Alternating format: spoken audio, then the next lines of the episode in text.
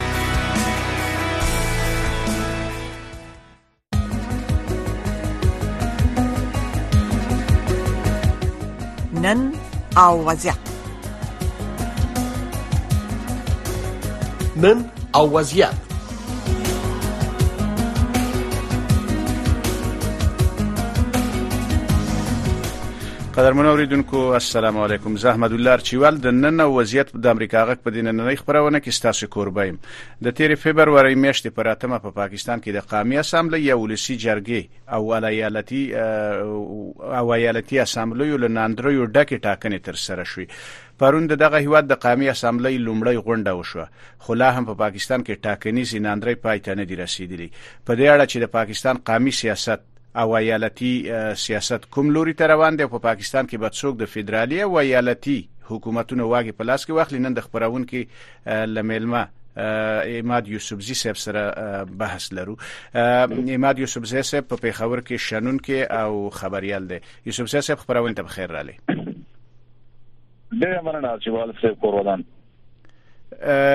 اماد تاسو خبرې اورئ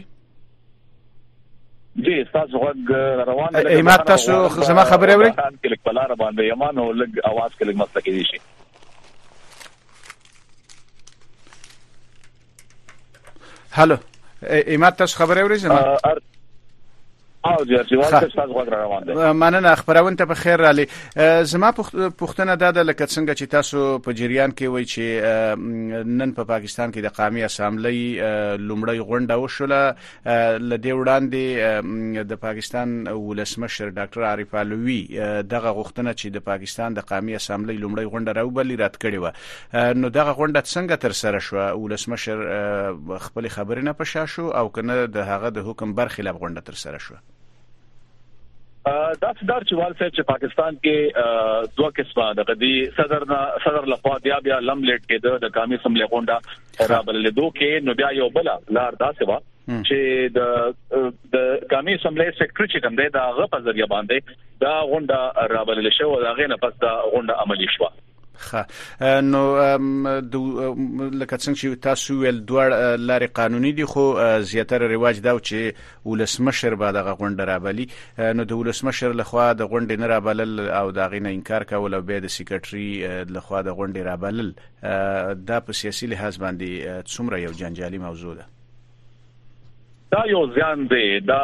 پاکستان سیاست په داسې ډول باندې دی چې کله یو پارټي په حکومت کې راشي نو بل پارټي ولا لکه سخت په ور کوي تحریک انصاف او د مسلم لیګ نونو پیپلز پارټي اړیکې په تیر وختونو کې چې کوم به ډېر خندري پاتې شوه نو دا غي اثرات کوم وخت کې ډاکټر عارف علوي کوم چې ولسمشر دی د پاکستان نو د هغه په صورت کې موږ ته یو ځل بیا په نظر راغی چې هغه د نون لیګ او پیپلز پارټي چې کوم غړي دي هغه لا سخت وخت ورکولو د پاره دا غونډه د لم لیټ د بیا ښکاروله او معاملې دا و چې ځنی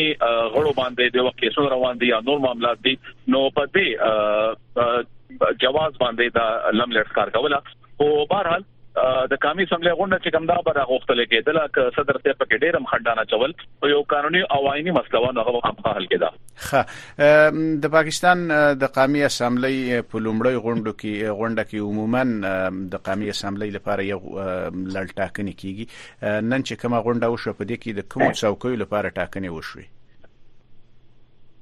دا ستاسو ارجوان صاحب چې د پاکستان د قانون او آئین تر مخه رومبه چې کړه د قامي سمبلی نوی غړي هاوس تراشي نو هغه رومبه د سپیکر او ډیپټي سپیکر هغه کوي نو نن د سپیکر ټاکم شوی دا هغه چې د سوریان په خا ستاسو د غږ لک کټ کیږي یوسف زیسب کې د غږ لګ لوړ کوي او یا د غزیت هم تغیر ورکړي ستاسو خبره مونږه صحیح و نه اوریدله خا مهرباني خبرې وکړئ سایز زه فکر کوم چې د یوسف زی صاحب ټلیفون قطع شو زمونږ همکاران به کوشش وکړي چې دوباره یوسفزی صاحب ته ورشي خو لکه څنګه چې موږ په خبرونو کې ام وختي ام تاسو واوریدل او موږ په تفسیره کې ویل چې په پا پاکستان کې نن دغه هیواد د قامي اسمبلی لومړنۍ غونډه وشوله او په دغه غونډه کې د پاکستان د قامي اسمبلی کم رئیس چې د یو تسپیکر وي دغه د لپاره ټاکنې وشوې د پاکستان د د مسلم لیگ د ګوند ستړاو لرونکي یو شخص چې دغه نمایا صادق دی د پاکستان د قومي اسمبلی رئیس وټاکل شو لدې وړاندې د پاکستان دغه کوم ګوندونو چې په ټاکنو کې ډېر څوکۍ تر لاسه کړې وي هغه د پاکستان د ولسمشر نه غوښتنه کړې و چې په پاکستان کې د قومي اسمبلی غونډه راوبلي خو د پاکستان ولسمشر د قامي اسمبلی د غونډې له رابللو څخه انکار کړو خو لکه څنګه چې تاسو د یوسف سیسه په خبرو کې واورید بل اخیره د یو ته یو بل قانوني لار پیدا کړو په پاکستان کې د قامي اسمبلی لومړنۍ غونډه تر سره شوه د غونډې نه داسې خبرونه هم راغلي دي چې په پاکستان کې په دغه غونډه کې ډېر زیاتې د یو بل په خلاف باندې د قامي اسمبلی غړو ناره وهلې جنجالونه او څوګي خبرو ته نه پرې خودل نو زمونږه موضوع هم دغه د هیله ده چې یوسفزی صاحب زمونږ سره بیرته ملما شي په خبرونه کې او د یوسفزی صاحب سره د پاکستان د ټاکنو د پایلو او هلته د قامي د فدرالي حکومت او د ایالتي حکومتونو د جوړېدو په اړه او خبرې وکړو او په دې خبرې وکړو چې په پاکستان کې دغه سیاسي ناندري د پاکستان د لپاره کوم کومې پایلې لري په افغانستان به څه منفي عواقب وي په پاکستان کې د ځل چې کومې ټاکرې وشولې په دې کې بیلابیلو ګوندونو په دغه ټاکنو کې د پراخه درغلیو تورونه لګولې دي نن د قامي اسمبلی کومه غونډه چې وشوله په دې غونډه کې د ملتپاله ګون پښتونخوا ملي عوامي ګون مشر محمود خان اڅکزي هم خبرې وکړلې او محمود خان اڅکزي د پاکستان په پا پوز هم نیوکې وکړلې او هغه د عمران خان د ازادېدو غوښتنه وکړله نو هیله ده چې یوسفزی صاحب زمونږ خو هیله ده چې یوسفزی صاحب مونږ سره مل شي او خبرونه تراشي نو د یوسفزی صاحب ټلیفون فکر کوم کار نه کوي الته یوسفزی پاکستان کې وای باران نه دي نو به هم مونږ کوشش کوو چې یوسفزی صاحب راولو یوسفزی صاحب په خیر ال خبرونه ته تاسو ټلیفون قطع شوی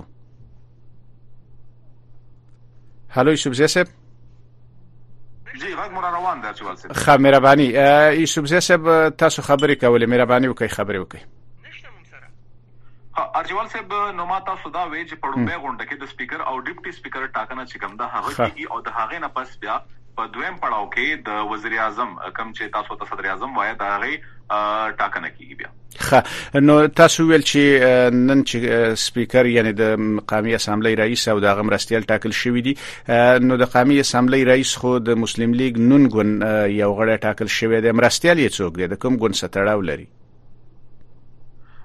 مرستیال حواله سره د وخت کې جدي معلومات نه لرم زله په لار باندې هم بخنه بغواړم په هغه باندې خو نون لیګ د وخت کې په هاوس کې داغي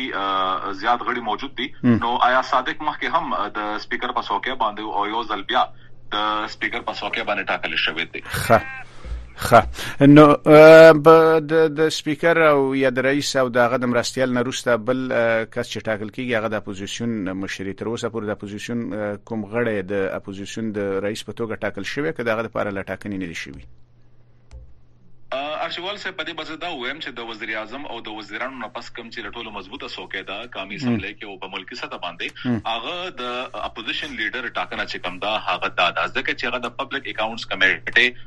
چیرمن هم هي او یو ډیر زیات طاقت لري او واک اختیار ډیر زیات دي نو په دې باندې د وخت کې اوس ځکه چې د تحریک انصاف اون کم چې دا وخت اپوزیشن کې دی نوي اغه سره کم اس کم ووټونه چې کم دی برابرېږي نن چې کله د سپیکر او ډیپټي سپیکر ټاکنه کېده نو په هغه کې هم آیا صادق ته یو سل نوینا سیوا او دغه شانته د تحریک انصاف چې کوم نومول شوی د سپیکر څوکۍ د پاره غړو د هغه په حق کې نوي ووټونه چې کوم دي هغه راغلي نو ښکاری خدا بظاهر خدا ښکاری چې د تحریک انصاف چې کوم نومول سړی هغه د اپوزیشن لیډر څوکۍ چې کوم د هغه تر لاسه کی په دې وخت کې د پاکستان سیاست چې کوم دی هغه د ډیر داو پیچ ښکار دی نو سبا څه کېږي د حواله سره لا فل حال سویل چې کوم دی هغه بس خه نو د آیا صادق په ټاکلو کې خو یو مسلم لیگ نون دی او بل وسه د پاکستان د خلکو ګوند پیپلز پارټي پیپلز پارټي هم ده نور کوم ګوندونه د دې سره په اتحاد کې دي نور ګوندونه چې کوم دي ارچیوال صاحب عوامي نېشنل پارټي چې کوم د هغه د وخت کې سو کینل لري هغه هم د سره اتحاد کې دا دین علاوه نور چې کوم د هغوی مرستياله پارټي دي او وړې وړې پارټي دي لس غړي دي وسره 15 غړي دي وسره داسې نور آزاد اراکین هم دي کم چې مطلب یو آزاد خیال لري هغه هم پکې شامل دي اغي په دې وخت کې دغه نون لیک سره مرسته کړې ده د سپیکر ټاکنه خه نن د پاکستان د قامي اسمبلی په غونډه کې ډېری زیاتې نارې وي ډېری چغې وي او خلکو وینا کوونکو خبرو ته نه پرې خودل چې دا په پاکستان کې مخکې په دې کچه دومره غال مغال کله په اسمبلی کې اندې شوی خلک د دغه حالت په اړه څومره اندېښمن دي دا حالات چې کومو دا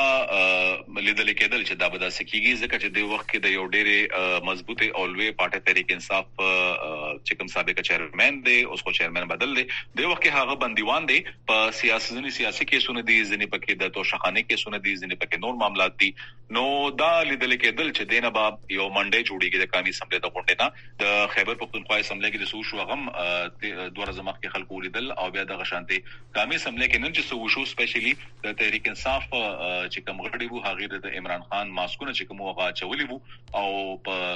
دغه کې موجود وو نو ناربازي کوله د خپل مشر په حق کې چې هغه باندې سیاسي کیسونه چې کوم دي هغه د ختم کړی شي هغه د د زندان څخه راخلاص کړی شي چې دغه شانته هغه د خپل پارټي مشري روزل بیا خه فکر کوي عمران خان برا خوشی شي دا اوس یو داسې سوال دی چې ډېر قانوني پیچیدګي دي عمران خان باندې دی وخت چې په دوه درې کیسونو کې کم باقاعده مجرم ګرځول شوی دی هغه کیسونه بسنګ ختميږي دینه پس اوس د های کورټ آپشن دی ویره سپریم کورټ آپشن دی د تحریک انصاف وکیلانو سره یا مشرانو سره چې التلال شي او د خپل مشر کیس چې کوم دی هغه هلته کې پیش کړي او که بیا د سریډي فغشتي شي نو وابشي وابخلي دي نه خو د وخت کې هغه باقاعده مجرم ګرځول شوی دی په دوه درې کیسونو کې نو په لند ورځ کې خدا سينخ کاری چې عمران خان بر جیل څخه راخوس شي خو راتلونکي وخت کې سکه دي شي هغه د وخت نه مخکې خبرې دي خه تاسو اگر چې یو څه اشاره ورته وکړل خو نن د محمود خان چکزي وینا و ما دغه وینا واوریدل او د پاکستان په پاوز باندې ډیر ټاکونه وکړل چې ټاکنې دوی يرغمل کړي دي او په ټاکنو کې لاس وهنه کړې ده زیاتره ګوندونه هم دا خبره کوي عمران خان هم دا خبره کوي نېشنل پار... نېشنل ګوند هم دا خبره کوي ټول دا ګوندونه هم دا خبره کوي دا مهال داسې کوم ګوند دی چی هغه د پوځ سره ډیر نږدې دی چی هغه د درغلیو خبره نه کوي او هغوی وایي چی ټاکنې صحیح شوي داسې کوم ګوند شته که ټول همدغه نریټیو یا روایت په مخکې بوځي؟ ارچیوال صاحب هغه ګوندونه به کوم چې مخامخ کاري هغه ګوندونه به ټګې برګې خبرې نه کوي کوم چې د وخت حکومت کې را روان دي دا خو یو ښکارا خبره ده کوم ګوندونه چې اپوزیشن کې به یا هغه د سټونه نه ملاو شوي عوامي نېشنل پارټۍ د الېکشن نه مخکې دريځ چې کوم وو هغه يو شان وو، اوس د الېکشن نه وروسته ټاکنو وروسته دريځ مکمل دې وخت کې انټي اسټابلشمنټ ښکاري، ايمل ولي چې کوم دې وخت کې د نوتيز بيانونه ورکوي د هغې نه لګي چې را روان وخت کې د عوامي نېشنل پارټۍ دغه شانتې مولانا فضل الرحمن چې کوم دی د جمعیت علما اسلام فیډل مشر چې کوم دی هغه په فوز باندې نه خپل غړي ټکونه وکړل او په ټاکنو باندې یو څه سوالونه پورته کړل محمود خان اچکزی بیانونه چې کوم دي هغه د عمران خان په حق کې را روان دي او بیا بیا دا وایي چې د تحریک انصاف منډیټ وو نو د وخت کې زیاتره میدان کې هغه ګوندونه کوم ته چې په الیکشن کې بریا نه ترلاسه شوه نو هغه د وخت نیغ پنیغه دا وایي چې اسټابلیشمنت دې کې لاس لرلو او دغه شانته مسلې کړې دي او مسله هم دا ده چې ثبوت سره یو شی مخ ته راوستل او بیا خپل کیس ګټل او اسټبلش کول چې کوم دی هغه یو بیله ایشو ده او ټکونه کول چې کوم دی هغه یو بیله مسله ده خه محمود خان نن په خبرو کې د عمران خان د راخوش کېدو غوښتنه هم کوله چې محمود خان څکزې په خوا د عمران خان د ګوند مخالف ګوندو فکر کوي چې د عمران خان او محمود خان څکزي او نور قوم ملتپالو ګوندونو ترمنځ د کوم اتحاد رامنځته کېدو امکان موجود دی دا سیاست دی ارچیوال صیب که د مشرف دور کې مونږ وګورو نو هغه دور کې هم عمران خان محمود خان اچکزی او دغه شان مولانا فضل الرحمن ته ډیر نږدې وو خو د کال 2010 نه پس د دې ګوندونو لارې بدلې شوې خپل خپل لارې واغشتلې بیا چې کله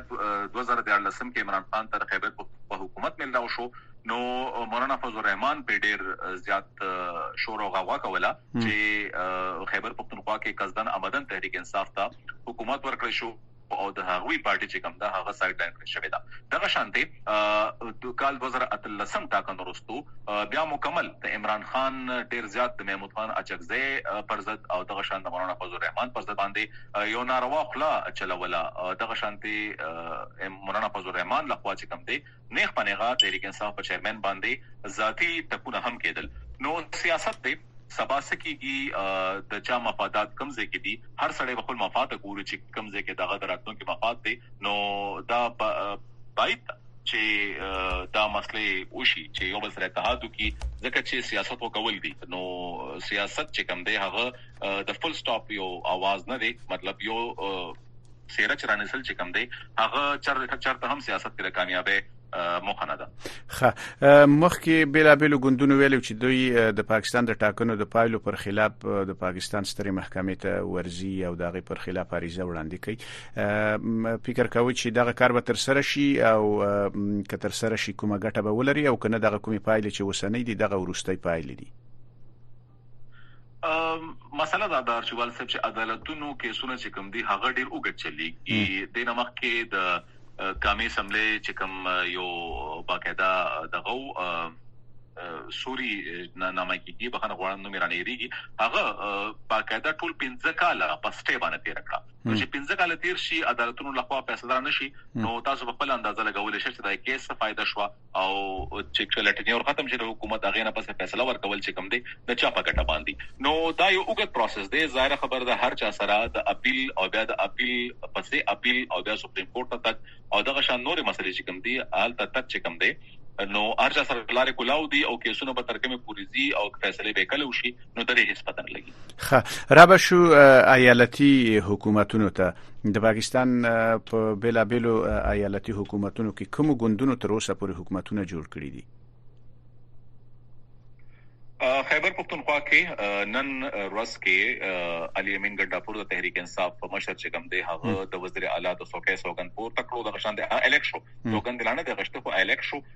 او دغه شانته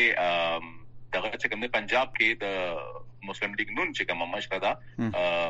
مریم نواز هغه حکومت جوړ کړو او سند کې د پیپلز پارټي حکومت دی د بلوچستان حواله سره ځکه چې منډیټ لا ډیر تقسیم دی معاملات په مخ کې مخ پروان دي څنګه زی د هغه حواله سره لا سویل چې کوم دی دا وخت روان دی خبره ده خو د جمعیت علماء اسلام فه چې کوم دی ریپریزنټیشن شته دی هلته هلته دهغوی غړي هم شته دی د پیپلز پارټۍ غړي هم شته دی د نون لیګ هم غړي شته دی او راروان وخت کې اتحادونه چې کوم دی بلوچستان یو ډیر کمپلیکس غونته کې سچویشن دی هلته جنجالي غونته کې حالات دي کله یو کال یو پارټي حکومت کوي بل کال بل پارټي راشي نو هلته سیاسي کړکېچ چې کومه په خپل ځای باندې خو دې وخت کې مستحکم حکومتونه چې کوم جوړ شو خیبر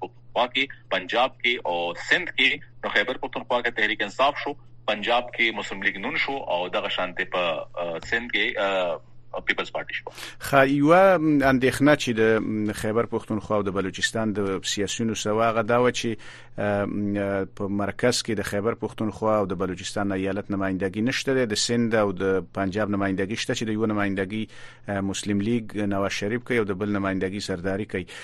نو د دې وندښنه دا و چې دغه سیاسي جوړجاړی به په خیبر پښتونخوا په حالاتو باندې او د بلوچستان په حالاتو باندې ناوړه اغیزه وکړي ستاسو ارزونه څه ده بلوچستان کې هو تل چې کم دی مطلب اتحادي حکومتونو راغلي دي الته د یو پارټي کله هم داسې واضحه اکثریت نه راغلی چې حکومت داسې په لوړ شمیره کې جوړ کړي چې ورته څه مسله نه وي هلته کې وفاداري وخت پر وخت بدليږي عدم اعتماد تحریکونه مرضی یو وزیر اعلی دویم راځي بیا دویم زی بیا دریم راځي او دغه شانته د خیبر پښتونخوا حکومت چې کوم دی هغه راتلونکي وخت کې د هغه ډېر وفاق سره داسې ښکاري چې مسئلې به ډېر جنجالي ځکه چې علي امین ګنډاپور کله د صوبې اعلی وزیر منتخب شو وټاکل شو نو د هغه رستو هغه چې کوم بیانونه ورکړه خاصه توګه باندې د بجلی حواله سره د غشند د بجلی خالصه منافع چې کم ده چې دا به مونږ ډومبه به مونږ ته د دې منافع راکړي د هغه نه پس په بجلی وفاق ته یا پنجاب ته یا سند ته نو معاملات چې کوم دي د خیبر پښتونخوا حکومت لپاره راتلونکي وخت کې سخت دي ځکه چې د وخت کې ډیر زیات مالی بحران د خیبر پښتونخوا کې قرضې اسمان سره خبرې کوي په تیر حکومت کې ډیر لوی شمیره کې د تحریک انصاف او مشرانو چې کوم دي قرضې غشتي دي د هغه واپسین کول دي او را روان وخت کې ایون د تنخواګانو هم فکر دی چې سرکاري ملازمان ته به تنخواګانې د خیبر پښتونخوا حکومت څنګه ورکړي دغه شانتي د صحت کارت یو ډیره ښه منصوبه د تحریک انصاف حکومت را شروع کړي و هغه د ځند د دغه کاروا هغه او درول شو د فندز نشوالي د وجې داغه اعلان نن د تحریک انصاف حکومت لخوا دا کیږي چې لومبي د روجې نه به هغه کارډ یو ځل بیا پرځي شي خه نو لکه څنګه چې ورته تاسو اشاره وکړه چې حالت د خواته روان دي نو د دې څومره امکان موجود دی چې د خیبر پښتونخوا ایالتي حکومت د پاکستان فدرالي حکومت ستونزې او مشکلات جوړ کړي دا اوس یو ډیر د اتلسم آئینی ترمیم چې کوم دی د هغې نه پس ثبوته ډیر غټ واک اختیار تر لاسه شوی دی د آئینی ترمیم باندې وخت پر وخت باندې کوشش کیږي چې دا رول بیک شي واپس واغستې شي خو ممکن نه راځي چې په دې کې لوی خند د پیپلز پارټي چې کوم ګوند دی هغه دی دا آئینی ترمیم چې کوم دی صوبو ته بجلی خالص منافع یا کوم د صوبو چې کوم خپل وسایل دي پایغه باندې اختیار ورکړي او دغه شانته مالی ازادي ول ورکړي چې ځنی خپل پیسې ځان ته پیدا کړي او هغه شانته خپل محکمه وچلي نو خیبر پښتونخوا ته د بجلی مت کې خالص منافع چې کوم دا دا یو ډیر غټ رقم دی د خیبر پښتونخوا ټول بجټ چې کمی دا غي تقریبا دا 25 نواله 30% پورې جوړیږي که خیبر پښتونخوا حکومت صرف دا ګټه وکړه چې را روان ان اف سي ایوارډ کې یا نور معاملاتو کې خپل برخم صرف تر لاسه کی یا غزان ته سکیور کی غزان ته راوړي نو دا هم یو ډېر غټه غټه خو چې وفاق وتا د نور لیګ حکومت ته کوم چې د وخت کې نیخ بنېغا یو بل سره د کومنګ په یو بل نور ټکو کې وای چې د پښو منګک والا مسله ده د تحریک انصاف او د نون لیګ نو دا به بد نه نو په دې حالاتو کې به را روان وخت کې د خیبر پښتونخوا حکومت څنګه ځان اوساتي او حکومت او مستحکم اوساتي ځکه چې خیبر پښتونخوا کې دنه دی وخت تحریک انصاف ته هیڅ قسمه ریزسټنس نشته په ډیره لوی شمیر کې تحریک انصاف غړي چې کم دي هغه د خیبر پښتونخوا اسمبلی دی وخت غړي دي نو هغه تر عدم اعتماد یا دغه مامبې نشته خو وفاق خپل پیسې اغستل چې کم دي دا به یو ډیر لوی ستونزه خه یو بل خبره د پنجاب د ایالتي حکومت په اړه کې دا وغه ده چې د عمران خان د تحریک انصاف ګوند څو ورځې مخکې ویلي چې دوی به په پنجاب کې موازی حکومت جوړ کړي ځکه لکه څنګه چې تاسو ورته اشاره وکړه له هلته د مسلم لیگ نون ګوند حکومت دی او د نواز شریف لور د هغه ځای وزیر اعلی مقرر شوی دی دغه معاملې کوم حتی ورسېدله دغه معامله خو زما خیال له سیاسي بیانات چې کوم دی ارچي وال څه په خپل ځای باندې هر سړی وی چې زه غي خبري هر چا خپل سو قابل ښکاری کنه او د وخت عمران خان ته خپل سو قابل ښکاری دغه شانتي نوم دی ولا چې کوم دی هغه د وخت میجورټي کې دي نو دا خبره کول چې متوازی حکومت په جوړ کې دا څنګه ممکنه ده ممکن نه دا ځکه چې هغه سره عددي اکثریت د وخت نون لیک سره نو را روان وخت کې ترکمه پورې ک داسې سپلینټرز ګروپ یا وړې واړو واړو ګوندونی هغه سره مې اتحاد کیږي نو بیا هم په ټو ترډ میجارټی باندی یا په سمپل دغه باندی په ساده اکثریت باندی د مریم نواز حکومت دی وخت ړنګول چې کم دی هغه ډیره زیاته ګرانه ده ځکه چې وفاق کې هم وته نون لیګ حکومت وی نو څنګه به وشي چې دا معاملات به ممکن شي نو سیاسي بیانات په خپل ځای باندی خو په دې وخت کې ځمکني حالات چې کوم دي هغه دا دي چې پنجاب کې دی وخت کې نون لیګ چې کمپنج دي هغه مضبوط خه د پاکستان په قامي اسمبلی کې اوس هم د تحریک انصاف ګوند اکثریت د ډیر شمیر غړي لري د نورو غړو په پرتله د نورو ګوندونو په پرتله په یوازې سره د تحریک انصاف غړي ډیر دي ستاسو وړاندوی نه څه د فکر کوي چې د قامي اسمبلی غونډې چې دي هغه به د سي سمې او برابرې په مخ ولاړ شي او کنه هغه به هغه کې بر وخت جنجالونه وي او لانجې به وي ارچیوال صاحب دې وخت کې په دې باندې غزه په یو بل انګل باندې راشم یو بل ترس کې وته موږ ګورو د تحریک انصاف سره دې وخت کې مطلب ټول اتحادي ګوندونه هم سره غونډ شي نو سکم سل مطلب نوي پور د هغه کړي جوړيږي نو د قامي اسمبلی کې د وخت کې اکثریت چې کم دی هغه نور ګوندونه دی نو دا سه غټ جنجال نش جوړي دی وخت کې یو خدار چې ډیر څه غیر یقیني غونډه کې صورتحال شي او غړي چې کم دی هغه خپل پټونه شاته شي یا پټ ووټونه چې کله کېږي دا سه په سېنات الیکشن کې یا نورو معاملاتو کې هغه ټایم کې لټ ډیر سه معاملات راکړي شي خو بظاهر د سرکاري کړه پیپلز پارټي او د نون لیګ یو بل سره معاملات هواري نو روان وخت کې د وخت څخه خاص خطر نشته چې وفاق حکومت لنګ شي یا نور معاملات خراب شي خا یو بل موضوع د خیبر پښتونخوا په اړه کې دا ډیر خلک فکر کوي چې د عمران خان ګونل ته په واک کې دي نو دوی به د طالبانو سره د افغانستان د طالبانو سره اړیکې یو څه خي کې او کومې لارې چې افغانستان ته غزیدلې دي هغه به پرانیزي تاسو اټکل څه دي د بارډر کنټرول چې کوم دی کوم غوايو د پولو چې کوم واک اختیار دی هغه وفاق سره دی هغه باندې صوبو څخه خاص اختیار نشته دی نو وفاق تر کومه پورې چې منځوري ورکړي نو دا عملی نه را چې دا سکارو چې زې په زې باندې پولې او پرانستل شي او خدا دا عمران خان د افغان طالبانو حواله سره یو نرم بیان مخکې ورکړی دی او اوس هم د تحریک انصاف چې کوم لیډرشپ هغه افغان طالبانو حواله سره یو سافټ کارنر لري یو نرم ځای لري نو دا د چې د طالبانو یا د افغانستان یا د پاکستان چې کوم اړیکې دي هغه باندې نه خپنه غلاس چې کوم د وفاق او یا د ځنی فارن افیس ته خارجه وزارت دی یا نور ادارې دي د هغه په دې باندې واقع اختیار دی د خیبر پښتونخوا حکومت دومره کولی شي جوړجاړي لپاره دلته چې د وخت افغان وګړي کم میشت دي یا نور ملکونو ته تک لپاره دلته پتمه دي هغه سره چلن کې دي شي خو ساتي یا نور معاملات وکړي او که د پولو او د نور معاملاتو خبرې وشي نو هغه د وخت په فاکلاس کې پاکستان کې اوس لکه سیاسي حالت چې تاسو څنګه ویل د یو څو ورځې په نسبت باندې لګ خشوي دي ستاسو له نظره دغه اوسنی روان حالت به د پاکستان په اقتصادي، سیاسي او امنیتي حالت باندې څه اغیزه وکړي؟ کله چې سیاسي جوړجاړي سیاسي استحکامي نو دا معاملات چې کم دي هغه د قواري په لور باندې دا انټرنیشنل فینومینن دی دغه شان د آی ایم ایف چې کم معاملات دي پاکستان ته پنګ ورکولو هغه باقاعده سیاسي استحکام چې کم دي په هغه باندې ډېر جوړ نظر دی نو نون لیګ نه پس یا د پیپلز پارټۍ د مشرانو نه پس هغی تحریک انصاف مشر سره هم د ملاقات دی وخت کې دا ویل کیدل چې ډیر زر به عمران خان سره د آی ایم ایف وخت چې کوم دی ملاقات کوي چې سیاسی معاملاتو باندې ځان پوهیږي او د رات پاکستان راتلونکې حوالې سره د هر چې هر ادارې د هر ارګنایزیشن چې کوم دی خپل پالیسۍ هغه نه پس خپل پالیسۍ ترتیب کی نو آی ایم ایف پروګرام چې کوم دی مخ وړاندې څنګه ځي او نور معاملات چې کوم دی ځکه چې دینه مخکې هم د نون لیګ حکومت پاتې شوی نو زما خیال دی چې را روان وخت کې به آی ایم ایف سره معاملات حل کولو کې یا نور ادارو سره معاملات مخ پر وړاندې ښه یو یو ډیر یو یو ډیر لنډه پوښتنه تاسو د آی ایم ایف یا د نړیوال وجهي صندوق خبره وکړه د عمران خان دوی ته یو خط لګلې و ورته ویلی چې دوی باید په پاکستان کې په ټاکنو باندې د ځینې څوکیو یا د ځینې حلقو په ټاکنو کې باید د شفافیت غوښتنه وکړي او دا غي بیر سمونه وکړي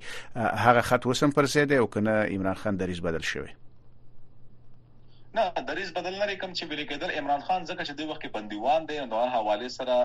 مطلب د لیډرشپ چې کوم د تحریک انصاف چې کوم مشران دي د هغوی په خبره باندې باور کې دي چې عمران خان دا ویلي دا خو يو ښکاره خبره ده چې د عمران خان له خوا د تحريک انصاف د مشرانو د خولې باندې په وينا باندې چې هغوي آي ايم ايف ته يو خط ليکلي دي يا ايميل ليږلي دي چې دغه شان دغه شان معاملات دي او پاکستان کې سياسي چې کوم ټګي برګي شوي دي ټاکنو کې ټګي برګي شوي ده په دې باندې دي فشار واچولي شي په پاکستان باندې يا ادارو باندې نو دا معاملات خوشته خو آي ايم ايف هم يو خپل منډيټ دی يو خپل ځای پوري يو خپل حد پوري هغه خبرم کولی شي نور فشارم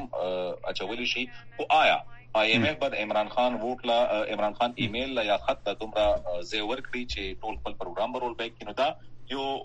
سمج کې نه راتلو خبره ده یو داسې کوشش دی چې حکومت وفاقي حکومت یا نور حکومتونه چې کوم دی هغه تورنول د لپاره چې دا دا کار دی کړي دا د دا د شنو نظر کې وساته